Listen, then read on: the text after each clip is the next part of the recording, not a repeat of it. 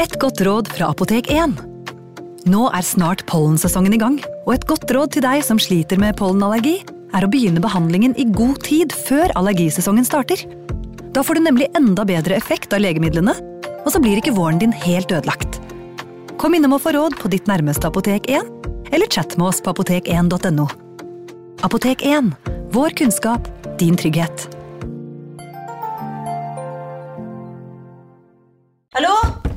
Oslo politikammer. Ine Jansen er purk. Er du purk? The motherfucking bitch. Alt jeg vil, er å finne ut hva som skjedde med mannen min. Jon Carew. Er jeg sikta for noe? Iben Akeli. Det er du. Ole So, Lars Berrum og Big Daddy Karsten. Hvem sin side er du på, egentlig? Anette Hoff, Tone Danielsen, Kommer du fra Afrika? Jørnis Josef, Nesten kløfta. Trond Espen Seim, Det er synd å si det, men det var feil mann som døde. Purk. Premiere tirsdag på TV2 Play.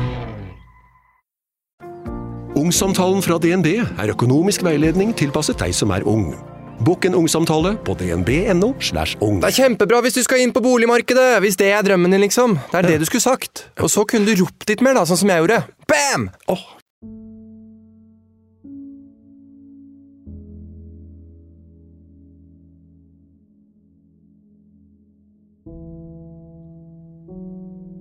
Jeg burde vel begynne med den faste klisjeen.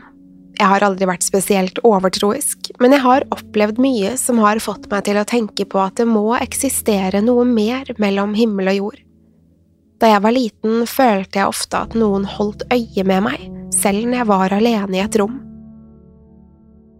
Jeg har alltid hatt veldig livlige drømmer, og det kan ta flere minutter etter at jeg våkner før jeg klarer å skille mellom fantasi og virkelighet. Du får ta dette med i betraktning når du lytter til historien min. Jeg er uansett overbevist om at alt dette faktisk skjedde.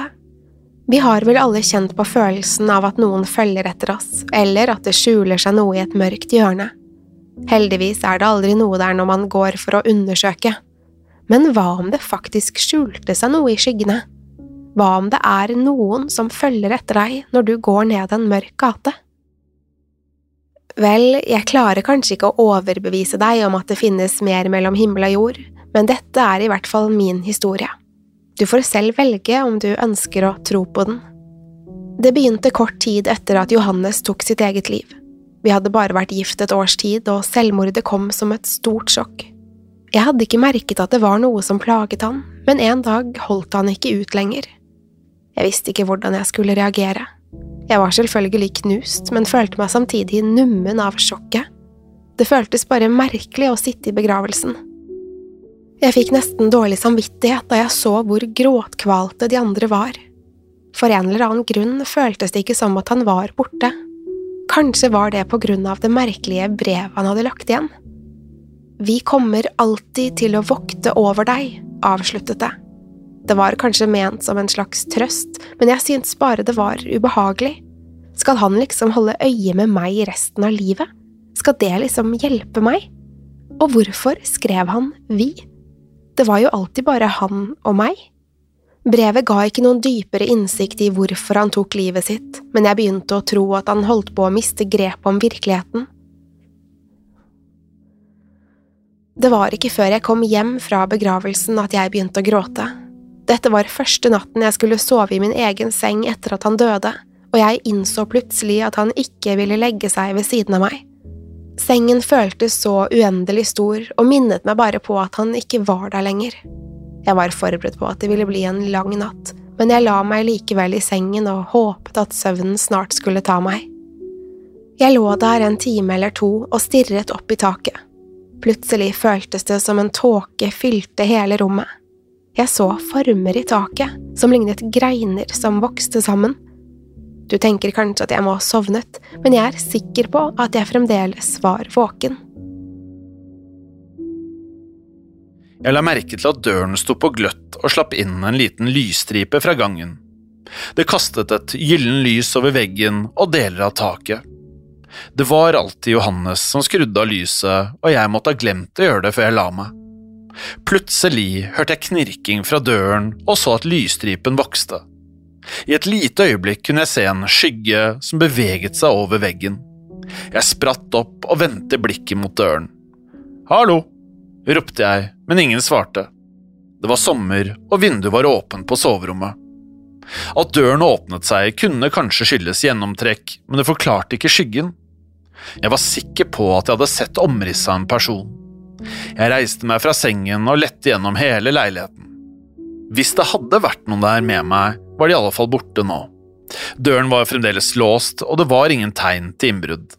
Jeg forsøkte å fortelle meg selv at jeg bare hadde innbilt meg det hele, før jeg la meg tilbake i sengen. Det gikk kanskje en times tid, og etter hvert klarte jeg igjen å finne roen. Det føltes igjen som om rommet ble fylt av en tykk og mørk tåke før jeg til slutt falt i søvn. Den natten hadde jeg en merkelig drøm. Jeg var i et hus som ikke hadde noen dører eller vinduer. Jeg husker ikke hvordan jeg kom meg dit, men jeg lette etter en utvei. Den eneste lyskilden var en gammel parafinlampe som jeg holdt foran meg til enhver tid. Huset var også gammeldags og minnet meg om et hjemsøkt hus som du finner i skrekkfilmer. Jeg vandret rundt i mørket og lette desperat etter en utvei. Det føltes som en stor labyrint, men uansett hvilken vei jeg gikk, kom jeg tilbake til det samme rommet. Det var en gammel spisestue med et langt trebord dekket til et festmåltid. Stearinlysene på bordet hadde for lengst brent ned, og maten var råtten og fordervet. Ved enden av bordet satt en mann kledd til fest.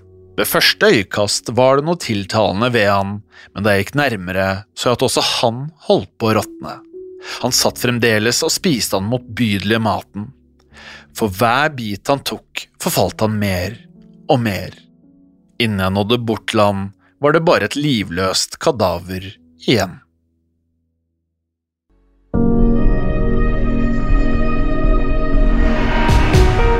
Resten av denne episoden kan du høre i Untold.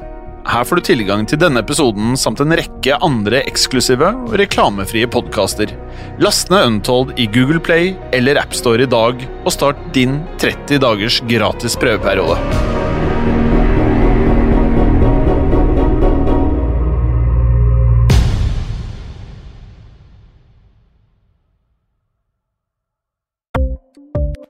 Ukens annonsør er Folio, en smartere banktjeneste for deg som har en egen bedrift eller ønsker å starte for deg selv. Folio er en superenkel nettbank for bedrifter. Som kunde i Folio får du en bedriftskonto med et bedriftskort og app. I denne appen er det smarte løsninger som forenkler regnskapet ditt, uansett om du har en liten bedrift eller et enkeltpersonsforetak. Folio er både intuitivt og brukervennlig, og er laget med et enkelt språk. I tillegg tilbyr de forutsigbare priser og ingen skjulte gebyrer. Skulle du likevel trenge det, så kan du snakke med deres raske og hyggelige kundeservice, og der får du prate med en faktisk person og ikke en chatbot. Folio er med andre ord både enklere og koseligere enn banken. Over 10 000 bedrifter har allerede valgt Folio som sin banktjeneste, så besøk folio.no og se hvordan Folio kan forenkle din hverdag også.